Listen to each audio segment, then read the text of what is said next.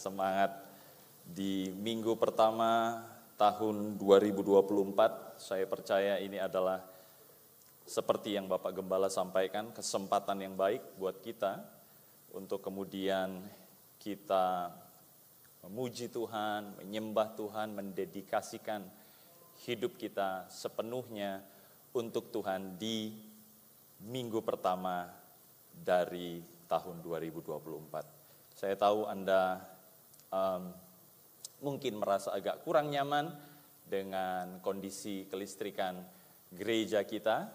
Cuacanya juga sedang panas-panasnya, tapi semoga senyum orang di sebelah Anda mendinginkan itu. Oke, senyum ke sebelahnya boleh Bapak Ibu Saudara? Ada yang tambah panas? Wah, berarti belum beres itu ya. Kalau saudara senyum ke sebelah kiri kanan, wah kok tambah panas, itu ada yang belum dibereskan. Ya, semoga Anda mendengar khotbah akhir tahun di ibadah raya yang ketiga, ya kita melepaskan pengampunan karena kita sudah mendapat pengampunan yang sebenarnya tidak pantas kita dapatkan.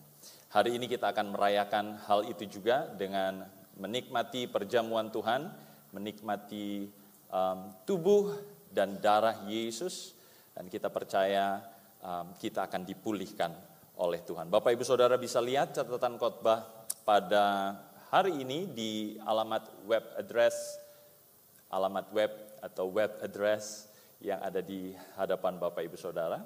Anda bisa akses itu di uh, internet tentu saja, tetapi Anda juga bisa catat secara manual. Saya akan berbicara pada pagi hari ini tentang pada mulanya. Tadi pagi Gembala berbicara tentang kesempatan. Nanti mungkin Bapak Ibu Saudara yang belum sempat mendengarkan bisa mendengarkan itu di um, channel YouTube GPDI Mahanaim Tegal atau membaca ringkasannya di website. Tetapi hari ini di ibadah raya yang kedua kita akan berbicara tentang pada mulanya. In the beginning. Ya, pada mulanya. Mari kita buka ayat pertama di dalam kejadian pertama ayat yang ke satu. Minggu pertama kita baca ayat pertama dari keseluruhan Alkitab. Kejadian satu ayat yang ke satu dikatakan demikian. Pada mulanya Allah menciptakan langit dan bumi. Pada mulanya Allah menciptakan langit dan bumi. Segala sesuatunya diciptakan oleh Allah karena dialah sang pencipta. Dan keberadaan kita, eksistensi kita itu semua bergantung dengan keberadaan langit dan bumi. Tanpa langit saudara tidak bisa hidup, tanpa bumi saudara tidak bisa hidup. Ya, kita begitu bergantung dengan keberadaan eksistensi dari langit dan bumi. Jadi apa yang Allah ciptakan ini kemudian menjadi dasar buat kita. Nah Bapak Ibu Saudara kenapa saya masuk ke kejadian satu ayat yang pertama karena sebenarnya di dalam kehidupan kita ini kan banyak alat bantu terutama kalau kita sudah masuk ke zaman teknologi yang serba luar biasa ini Ya, saya percaya Anda semua dapat mengakses internet, ya sebagian besar, mungkin ada beberapa yang tidak. Tetapi eh, saya lihat rekan-rekan staf mereka pagi-pagi memberikan ayat kepada jemaat ya untuk kemudian menjadi ayat harian. Gitu ya. Saya sendiri juga memakai alat ini ya, yang bisa kemudian kita download di gawai kita yang bisa kita unduh di gawai kita untuk jadi ayat emas untuk hari ini. Saya tahu saudara punya ayat emas nanti ya, sepulang dari um, ibadah ini saudara akan ambil ayat emas tahun ini dari gereja. Tetapi setiap hari kita dapat ayat emas ini dari aplikasi yang kita unduh. Nah, saya pakai aplikasi salah satu namanya YouVersion. Itu saudara bisa uh, download di, di aplikasi saudara atau kalau saudara mau buka di web juga saudara bisa buka di bible.com. Nah, di tanggal 1 Januari 2024 pop up notification ayat hari ini. Dan ayat hari ini adalah kejadian 1 ayat 1. Pada mulanya Allah menciptakan segala sesuatu. Segala sesuatu yang pertama sering kali menjadi segala sesuatu yang signifikan. Betul ya, ketika saudara ingin memulai um, sesuatu pertama kali itu kemudian jadi begitu penting segala sesuatu yang mulai dibangun, misalnya pertama kali dibangun, saudara mulai me, merayakannya atau mulai membuat seremoni tentang hal itu, misalnya sesuatu pertama kali didirikan, saudara taruh plakat, ya kita punya plakat ketika pendirian gedung gereja ini ada di entrance dekat standing uh, air conditioner, saudara bisa lihat di situ, ya. Jadi signifikan, kenapa? Karena itu pertama kali dan lain sebagainya. Ya, saudara bisa ingat pertama kali saudara punya anak, pertama kali saudara, saya harap pernikahan saudara ada yang pertama dan seterusnya gitu ya. Saya jadi takut ngomong gitu. Um, pertama kali saudara jatuh cinta dan lain sebagainya. Ya, semua yang pertama itu selalu kemudian jadi sesuatu yang signifikan. Demikian juga dengan kalimat pada mulanya. Karena itu menjadi dasar dari sebuah sejarah yang terbentuk sesudah hal yang pertama itu terjadi. Setelah langit dan bumi ada, kemudian sejarah dimulai. Segala sesuatunya berlangsung dan saudara sampai di titik ini 7 Januari 2024 pukul 10.26. Setelah melewati rangkaian sejarah. Tetapi kita mengingat pada mulanya siapa yang jadi sumber. Ketika kita kembali melihat kejadian satu ayat yang pertama ini, kita merenung dan mulai belajar bahwa kejadian satu ayat satu pada mulanya Allah menciptakan, ini menunjukkan bahwa Allah itu eksis sebelum segala sesuatunya ada. Jadi Allah itu bukan ciptaan manusia. Allah itu bukan rekaan pikiran manusia seperti yang beberapa orang pikirkan. Beberapa orang berkata, contohnya di negara komunis ya, saudara bisa melihat mereka berusaha untuk membungkam ya, agama-agama atau filosofi atau kepercayaan tentang Tuhan karena menurut mereka orang yang percaya Tuhan itu adalah orang yang lemah. Orang yang tidak mau berjuang yang menggantungkan nasibnya kepada sesuatu yang tidak terlihat. Padahal bukan demikian. Karena tidak terlihat bukan berarti dia tidak ada. Betul kan? Ada banyak hal yang kita tidak bisa lihat tetapi kita tahu itu ada. Saudara nggak pernah lihat ada sinyal di sini? Karena kita nggak bisa nangkap itu. Tetapi kalau tidak ada gelombang sinyal, tidak mungkin saya berbicara dan Bapak Ibu Saudara bisa dengar. Jadi ada banyak hal yang tidak terlihat, tetapi itu ada. Itu bisa dibuktikan, itu bisa dinyatakan. Demikian juga Tuhan itu ada. Dibuktikannya melalui apa? Melalui ciptaannya. Karena segala sesuatu, langit dan bumi diciptakan oleh Dia. Dialah yang pertama dari segala kenyataan, dari segala realita yang bisa kita tangkap dengan indera kita. Allah menurut kejadian 1 ayat 1 juga adalah Allah yang bukan diciptakan tetapi menciptakan. Dia di luar pemahaman kita, dia supranatural. Allah adalah Allah yang demikian karena ia memiliki kuasa atas segala-galanya. Ia punya kuasa untuk memulai, ia juga punya kuasa untuk mengakhiri. Dia bisa memulai segala sesuatu dan dia bisa mengakhiri segala sesuatu. Dia memulai kehidupan. Kita lahir. Ya.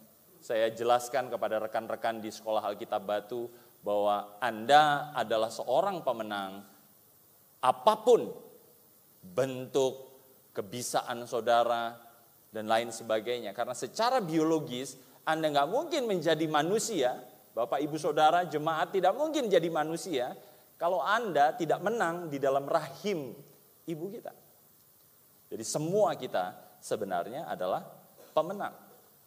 Dia Allah yang bisa menjadikan itu terjadi, tetapi dia juga Allah yang bisa mengakhiri segala sesuatu yang hidup. Ada banyak kejadian ya di permulaan dan di akhir tahun lalu yang membuat kita kemudian berpikir tentang hidup kita. Betapa hidup kita ini bisa berakhir dengan begitu cepat. Saya berharap 2024 Bapak Ibu Saudara masih diberi waktu oleh Tuhan. Amin. Ada yang sudah pengen? Tuhan bila aja Tuhan, Tuhan cepat-cepat Tuhan. Bapak Ibu Saudara, kalau kita masih hidup, ya gembala tadi sampaikan di ibadah raya yang pertama itu adalah kesempatan kita untuk menjadi lebih baik. Jadi jangan cepat-cepat pengen mati. Ya. Tetapi cepat-cepatlah berubah menjadi lebih baik. Hari ini harus lebih baik dari kemarin. Itu yang sebenarnya Tuhan percayakan kepada kita, kesempatan untuk melakukan. Karena dia yang bisa memulai, dia yang punya kuasa untuk memulai, dia punya kuasa untuk mengakhiri. Dan ini yang menjadi alasan kenapa kemudian kita memulai segala sesuatu dengan dia.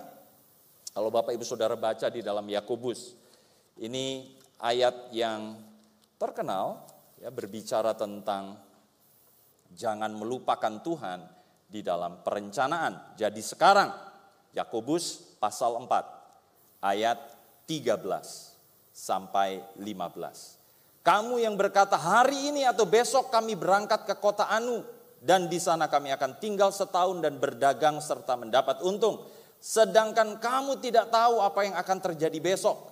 Apakah arti hidupmu? Hidupmu itu sama seperti uap yang sebentar saja kelihatan lalu lenyap. Sebenarnya kamu harus berkata, jika Tuhan menghendakinya, kami akan hidup dan berbuat ini dan itu. Maksudnya apa? Kita mengawali sesuatu dengan berkata Tuhan, biar kehendakmu yang jadi. Minggu yang pertama kita mulai bukan dengan kesombongan, bukan dengan keangkuhan kita, bukan dengan kecongkakan kita, tetapi dengan kerendahan hati bahwa aku butuh Tuhan di minggu pertama di tahun ini. Bukan berarti minggu kedua dan seterusnya kemudian tidak butuh tetapi Anda mengawalinya dengan pengertian bahwa Dia punya kuasa yang memulai untuk memulai. Dan kita percaya Bapak Ibu Saudara bahwa Ia akan menyertai kita untuk mengakhiri apa pun yang kita sudah mulai dengan baik. Studimu, ada yang akan kembali ke sekolah, kembali ke kampus. Pekerjaan Bapak Ibu Saudara, berdagang di kantor, di pelayanan apa pun itu, Anda mulai percayalah bahwa Tuhan akan mengakhirinya. Segala sesuatunya Tuhan punya kuasa. Coba kita lihat ini ayat yang juga terkenal dan saya percaya Bapak Ibu sudah pernah baca ayat ini ya di dalam Filipi ayat pasal yang pertama ayat yang keenam. Mengenai hal ini aku yakin bahwa ia yang memulai pekerjaan yang baik di antara kamu. Allah, ya ia di sini Tuhan, pencipta, Yesus Kristus. Itu sudah memulai pekerjaan yang baik di antara kita, akan meneruskannya sampai akhirnya selesai pada hari Kristus Yesus. Ini yang tadi dijelaskan juga oleh Bapak Gembala tentang kedatangan Yesus kali yang kedua. Harinya Tuhan. Jadi segala sesuatu yang kita sudah mulai dengan baik, kita percaya Allah juga akan mengakhirinya dengan baik. Nah sering kali Bapak Ibu Saudara ketika Anda mendengar pemaparan khotbah, penyampaian firman Tuhan dari saya, mendengar tentang ringkasan perjalanan kehidupan Kristen. Ya. Kalau saudara lihat ada garis di hadapan Bapak Ibu Saudara yang dimulai dengan kemuliaan, dengan pada mulanya. Ya, kejadian satu ayat yang pertama, tadi kita sudah baca. Itu kemuliaan ilahi itu melimpah kekekalan waktu belum ada ukurannya. Kenapa? Karena itu yang pertama. Allah kita tidak hidup di dalam waktu, Dia yang menciptakan waktu. Jadi kemuliaan yang pertama itu adalah awal pada mulanya. Dan kemudian akan diakhiri dengan kemuliaan yang lain lagi di akhir. Itu kita bisa dapatkan oleh anugerah Tuhan Yesus. Bapak Ibu Saudara bisa buka itu di dalam Wahyu 22 ayat yang ke-21. Bayangkan, di minggu pertama, saudara sudah menyelesaikan pembacaan Alkitab dari kejadian sampai wahyu. ya, kejadian Wahyu 22 ayat 21. Anugerah Tuhan Yesus menyertai kamu sekalian. Dimulai dengan dia, diakhiri dengan anugerahnya yang dilimpahkan bagi semua yang percaya kepada Tuhan.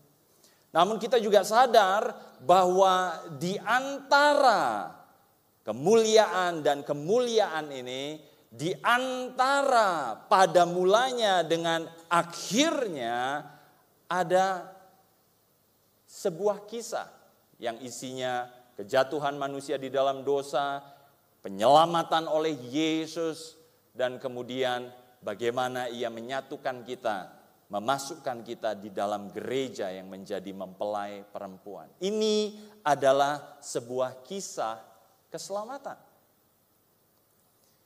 Dari ujung awal sampai ujung akhir, di tengah-tengahnya ada sebuah kisah keselamatan. Dosa itu menjadi awal dari kisah keselamatan ini. Sesuatu yang baik sudah diberikan Tuhan dari awalnya. Di dalam kemuliaan yang mula-mula. Tetapi dosa kemudian merenggut semuanya. Tetapi hadirlah Yesus. Dia datang kita rayakan bulan lalu. Beberapa minggu yang lalu. Ia menjadi penyelamat bagi kita. Dan ia kemudian mendirikan gerejanya. Mempelai perempuan Kristus. Jadi kita bisa melihat Bapak Ibu Saudara kisah keselamatan ini menjadi klimaks, menjadi puncak dari keseluruhan kisah manusia. Dari awalnya sampai akhirnya, tetapi klimaksnya adalah di dalam kisah keselamatan. Itulah kenapa kemudian kita nyanyikan karya terbesar dalam hidupku pengorbananmu. Karya terbesar itu bukan pendirian Monas, jadinya ibu kota Nusantara nanti. Karya terbesar itu bukan terhubungnya Jakarta Surabaya dengan kereta cepat nantinya. Atau misalnya gereja ini kemudian menjadi kapasitas yang lebih besar, itu bukan karya terbesar. Karena karya terbesar, klimaks dari kehidupan manusia ada di dalam kisah keselamatan. Nah, kalau Bapak Ibu Saudara suka menulis atau Anda tertarik dengan membuat cerita, kemungkinan Anda pernah mendengar tentang hal ini, ya, tentang Freytag Pyramid. Ya, Freytag Pyramid. Jadi ini maksudnya adalah bagaimana seseorang itu me, atau bagaimana sebuah cerita atau sebuah kisah itu kemudian meng, mengalami dinamika, ya kan? Itu klimaks tadi. Semoga setelah ini nggak turun. ya, jadi setiap cerita itu dimulai dengan sebuah introduksi, dimulai dengan sebuah perkenalan, bagaimana kemudian di situ dikenalkan latar belakangnya, ya, terus masuk kemudian ke dalam aksinya. Di situ ada inciting action. Kalau saudara lihat di dalam tadi ringkasan perjalanan kehidupan manusia, kita bisa melihat bahwa penjelasan dari introduksi ini, penjelasan dari apa yang ada di awal ini adalah kemuliaan, segala sesuatunya mulia. Allah menciptakan segala sesuatunya baik. Tetapi kemudian inciting action datang, manusia jatuh dalam dosa. Ada aksi yang terjadi. Dan dosa itu yang membuat kemudian aksi-aksi, reaksi-reaksi yang berikutnya. Gitu kan, biasanya saudara lihat di dalam kisah apakah saudara penikmat sinetron, penikmat drama Netflix, uh, Disney, Hotstar, apa pun itu. Kalau saudara lihat ceritanya selalu seperti itu. Dijelaskan dulu latar belakangnya, kemudian apa yang terjadi. Nah di dalam kehidupan Kristen kita ini yang terjadi. Ada aksi dosa yang dilakukan manusia. Dosa itu bertambah, bertambah, bertambah. Manusia semakin jahat sampai klimaksnya datang penebusan. Datang Yesus. Datang keselamatan di dalam dia. Dan apa yang dilakukan oleh Yesus itu bukan akhir. Tetapi ada final action. Ada aksi yang harus terus berjalan. Karena kita sekarang masuk ke dalam akhir zaman. Jadi Bapak Ibu Saudara sebenarnya kita sedang menghidupi sebuah cerita besar. Cerita besar. Dan Anda adalah aktornya. Ada di sini yang pengen jadi aktor atau jadi aktris? Sebelah kiri kanan saudara ada yang mukanya mungkin saya dulu pernah ada seorang uh, aktivis Eh, berkata kepada saya, Jeff kenapa nggak jadi aktris aja? Eh kenapa nggak aktris? Kenapa nggak jadi aktor aja? Saya lebih tepatnya kalau main itu takutnya malah jadi ini kan figuran film horor gitu ya. Takutnya kan sinetron beranak dalam kubur atau apa gitu kan. Saya agak-agak ngeri gitu. Ya puji Tuhan akhirnya jadi hamba Tuhan ya, bukan jadi aktor sinetron. Nah Bapak Ibu Saudara bisa lihat bahwa kita sebenarnya masuk di dalam cerita ini. Ada yang Tuhan inginkan setelah keselamatan itu. Bahwa kita bisa mempertahankannya. Masuk ke dalam resolution, eh, sorry. Masuk ke dalam resolusi akhirnya. Akhirnya kita akan bersama-sama dengan Yesus. Kalau kita tinggal setia. Sekali Yesus, tetap Yesus. Ini yang dimaksud. Sekali Yesus, Anda ketemu dengan Yesus, itu adalah klimaks, karya terbesar itu adalah pinnacle dari hidup kita. Bukan ketemu dengan pasangan kita, bukan. Kita bersyukur, saya bersyukur saya punya istri, saya bersyukur saya punya anak, sesuatu yang luar biasa. Tetapi puncak kisah kehidupan kita adalah sebenarnya ketika kita ketemu dengan Yesus. Tetapi nggak berhenti di situ, Anda harus mempertahankan itu sampai resolution, sampai akhirnya. Nah ini yang kemudian menjadi kehidupan kita, kehidupan Kristen kita. Ketika kita masuk ke dalam masa yang baru, ini minggu pertama. Ada berapa minggu ke depan yang akan kita hadapi. Kita mau mulai dengan Tuhan. Kita tahu bahwa Dia yang mem memulai segala sesuatu. Kita tahu bahwa Dia yang punya kuasa untuk memulai segala sesuatu. Sebelum ada aksi, sebelum ada reaksi yang kita lakukan sepanjang tahun 2024, kita mulai dengan Tuhan. Kita nggak tahu akan apa yang terjadi ya klimaksnya di hari ini, di tahun ini. Saya berharap klimaks itu akan mengajarkan kita tentang hidup. Saya tidak mendoakan amit-amit, tapi bisa jadi salah satu dari Bapak Ibu Saudara menemukan bahwa orang yang Anda kasihi dipanggil Tuhan di tahun ini. Who knows? Amit-amit sekali lagi. Tetapi bisa jadi tahun 2024 adalah tahun di mana saudara mengalami kecelakaan. Amit-amit saya nggak mau saudara terjadi. Tetapi apa pun itu yang terjadi, percayalah Tuhan menyertaimu karena engkau memulai dengan dia. Bersyukur kita bisa memulai tahun 2024 dengan Allah.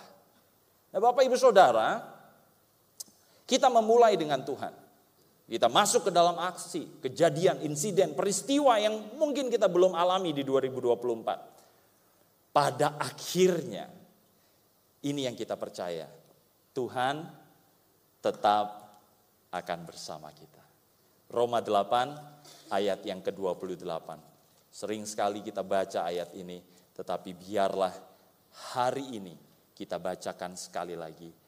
Kita tahu Roma 8 ayat 28 bahwa dia turut bekerja dalam segala sesuatu demi kebaikan orang-orang yang mengasihi Allah, yaitu mereka yang terpanggil sesuai dengan rencananya.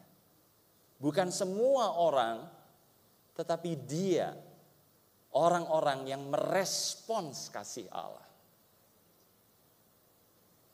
Memang Tuhan mengasihi seluruh dunia, Tuhan mati untuk seluruh dunia, tetapi hanya orang-orang yang merespons kasih itu. Hanya orang-orang yang kemudian menyadari kasih Allah itu dan kemudian dia mengasihi Tuhan. Ia percaya kepada Tuhan, ia bertahan, ia setia yang akan tetap ada di dalam rencananya. Percayalah Bapak Ibu Saudara, keberadaan kita hari ini adalah rancangannya Tuhan. Kita bersyukur kalau kita punya firman Tuhan di tangan kita. Alkitab yang Bapak Ibu Saudara pegang, gembala tadi juga ingatkan, kalau bisa 2024 Anda punya Alkitab yang Saudara bisa bawa ke gereja. Jangan sampai kan nanti kemudian di Mahanaim Corner ada penyewaan Alkitab gitu ya. Siapa yang nggak bawa Alkitab, nyewa dulu. Kenapa? Karena inilah skenario ilahi. Inilah jalan cerita kehidupan Kristen kita. Tuhan berikan itu kepada kita dan taruh di tangan kita. Kalau saudara mau masuk ke dalam industri film, industri sinetron dan lain sebagainya, atau teater dan lain sebagainya. Anda harus tahu skenario-nya. Anda akan diberikan plot kapan kamu ngomong, kapan kamu akan menjawab, kapan sesuatu terjadi. Ada skenario-nya. Di dalam kehidupan kita, Bapak Ibu Saudara, ini skenario-nya. Diberikan kepada kita. Saya selalu berpikir kalau Ayub dapat skenario, mungkin dia tidak semenderita itu. Sudah tahu ya kisah Ayub ya? Ketika hartanya hilang, kesehatannya hilang, anak-anaknya hilang. Tapi dia nggak pegang skenario ya, dia nggak tahu ini akhirnya gimana. Bapak ibu saudara kan sekarang pegang Ayub, kita tinggal baca gitu. Ah sabar Yub, sabar, nanti Ya, nanti kamu dapat berkat dua kali ganda karena kita sudah tahu akhirnya. Tapi buat Ayub clueless, dia nggak ngerti apa-apa. Bapak Ibu Saudara, kita percaya bahwa Alkitab ini bukan sekedar karya sastra. Amin. Kalau kalau Bapak Ibu Saudara lihat di website kita, website GPDI Mahanaim Tegal, ada pengakuan iman ya dari gereja Pantai Costa di Indonesia. Nah, pengakuan iman yang pertama saya bacakan kepada Bapak Ibu Saudara, kami percaya Alkitab adalah firman Allah. Ini bukan buku yang isinya firman Allah, bukan. This is the word of God. Ini firman Allah. Itulah kenapa selalu didorong, ayo bawa Alkitab, ayo baca Alkitab. Alkitab adalah firman Allah yang diilhamkan oleh Roh Kudus, terdiri dari 66 buku kejadian sampai dengan wahyu. Kita sudah baca tadi kejadian, kita sudah baca wahyu. Saya berharap 2024 Bapak Ibu Saudara selesaikan. Amin. Amin. Takut ya. Waduh, nggak sempet Jeff. Usahakan. Ya, kalau Bapak Ibu Saudara mau lihat 16 pengakuan iman yang lain, cek website gereja. Ya, Saudara bisa download, Saudara bisa pelajari itu sendiri. Apa sih pengakuan iman dari gereja kita. Jadi ini sudah diberikan kepada kita dari penciptaan sampai kesudahan sudah ada di sini dan kisah keselamatan kemudian menjadi klimaksnya Yohanes 3 ayat 16. Jadi klimaksnya. Bapak Ibu Saudara, memang Alkitab tidak pernah menunjukkan secara detail apa yang akan terjadi dalam perjalanan kehidupan kita ke depan. Memang. Alkitab tidak ada kalau saudara mau lihat, oh jodoh saya di mana ya? Ada nggak ya di Alkitab ya? Kan ngeri kan kalau tiba-tiba saudara ketemu dengan kitab Hosea gitu kan. Kawinilah perempuan sundal, waduh gitu kan. Masa saya mesti kawin sama pelacur gitu tuh. Kan bahaya juga. Memang detailnya tidak ada ya untuk pribadi kita ya. Tetapi kita percaya Bapak Ibu Saudara bahwa Sang Firman, yaitu Yesus sendiri, Dia yang sudah ada pada mulanya, Dialah yang ada bersama dengan kita di dalam firman ini. Alkitab adalah firman Allah. Dan karena Yesus adalah firman, Yesus selalu ada bersamaku. Yohanes 1 ayat yang pertama. Memang penulis surat Yohanes dia dengan sengaja kalau saudara lihat Injil itu ada empat, tetapi Yohanes itu selalu disendirikan dari ketiga Injil yang lain dari Matius, Markus dan Lukas. Matius, Markus, Lukas ini kalau saudara belajar itu disebut Injil sinoptik karena mereka melihat dari kacamata yang sama. Biasanya mereka memulai dengan kelahiran Yesus. Ya kecuali Markus itu hanya singkat saja tentang kelahiran Yesus. Tetapi Yohanes dia tidak mulai dengan kelahiran Yesus. Dia mulai dengan pada mulanya. Kalau saudara adalah seorang Yahudi saat itu, Anda akan selalu ingat bahwa pada mulanya itu adalah ayat pertama di dalam Taurat, di dalam tanah ya, Alkitabnya orang Yahudi. Jadi ketika Yohanes menulis pada mulanya adalah firman. Mereka teringat kejadian. Mereka teringat Tuhan. Mereka teringat Elohim. Elohim itu adalah firman. Dan firman itu menjadi manusia di dalam Yesus Kristus. Jika kepada umat pilihannya dalam perjanjian lama Tuhan memberitahu tentang kekuasaannya sebagai pencipta, pada perjanjian baru ia menunjukkan kedekatannya dengan manusia. Bagaimana Allah bisa dekat dengan manusia? Selama firman itu ada di dalam mulut dan hati kita. Bapak Ibu Saudara nanti bisa cek itu di Roma pasal yang ke-10, ayat yang ke-8, dan kemudian juga di dalam ulangan ayat 30, eh pasal 30 ayat yang ke-14. Itu yang terjadi. Jadi bagi kita Bapak Ibu Saudara di minggu pertama ini ada minggu-minggu ke depan yang harus kita lewati. Tetapi kalau di saat ini kita ada di rumah Tuhan, untuk mendedikasikan suatu awal yang baru dengan Tuhan. Tuhan, ini hari Tuhan yang pertama di, di tahun 2024. Aku mau beri hidupku bagi Tuhan. Ini adalah kesempatan yang baik yang Bapak Ibu Saudara sudah ambil. Seperti yang tadi gembala sudah khotbahkan di ibadah yang pertama dan nanti juga di ibadah raya yang ketiga. Dan kita sudah isi kesempatan ini dengan mendedikasikannya untuk Tuhan. Kenapa? Karena ialah yang berkuasa untuk segala permulaan. Di ibadah sulung ini kita memulai dengan Tuhan. Tapi Bapak Ibu Saudara jangan kehilangan fokus. Awal yang baik itu penting ketika saudara berlari, start yang pertama, ketika saudara start dengan baik, that's a good one. Start yang baik. Kalau saudara bertanding, saudara menang jauh, ya badminton atau kemudian saudara 10-0, 15-0, itu start yang baik. Tapi jangan lengah. Anda pasti pernah dengar kan?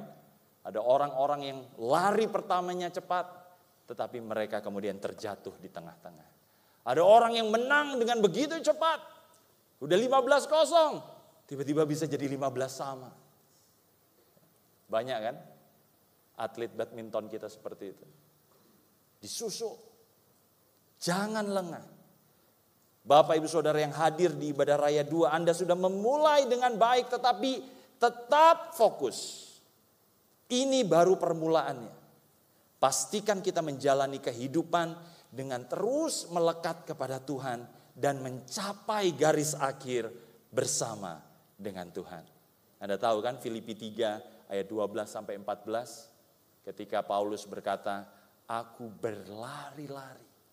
Aku belum mencapainya." Paulus sendiri berkata, aku belum mencapainya. Jadi kita nggak bisa kemudian berbangga diri, sombong kemudian berkata, aku sudah 25 tahun, aku sudah 50 tahun mengenal Yesus. Dan kemudian kita memandang rendah orang yang di sebelah kiri dan kanan kita. Nah, nah, nah. Paulus berkata, aku belum mencapainya. Tetapi aku berlari-lari. Dan ini Bapak Ibu Saudara di 2024, mari ambil kesempatan untuk berlari-lari mencapai garis akhir bersama dengan Tuhan. Saya berharap ketemu dengan Bapak Ibu Saudara di minggu terakhir tahun 2024. Anda semua yang hadir di sini. Dan kalau bisa kita semua juga bawa orang. Tetaplah berlari-lari menggapai tujuan kita di dalam Yesus. Lakukan dengan totalitas. Gunakan setiap kesempatan untuk menjadi lebih baik. Kita akan menjadi lebih baik ketika kita melekat kepada firman Allah, kepada Allah yang menjadi manusia. Dia yang akan menuntun kita ketika kita hilang arah. Dia yang akan menghibur kita ketika kita bersedih. Dia yang akan membangkitkan kita ketika kita terjatuh.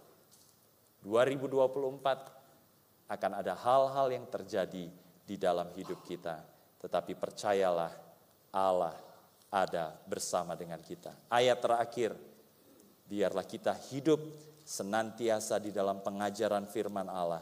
Yohanes 14 ayat yang ke-6. Kata Yesus kepadanya, Akulah jalan, kebenaran, dan hidup. Tidak seorang pun datang kepada Bapa kalau tidak melalui aku. Anda akan setia Bapak Ibu Saudara? Anda akan tetap mengiring Yesus sampai akhir. Percayalah, 2024 tidak akan jadi lebih mudah. Tetapi selama Anda tinggal bersama dengan dia, selama Anda melekat dengan dia, percayalah, dia akan turut bekerja mendatangkan kebaikan di dalam hidup kita.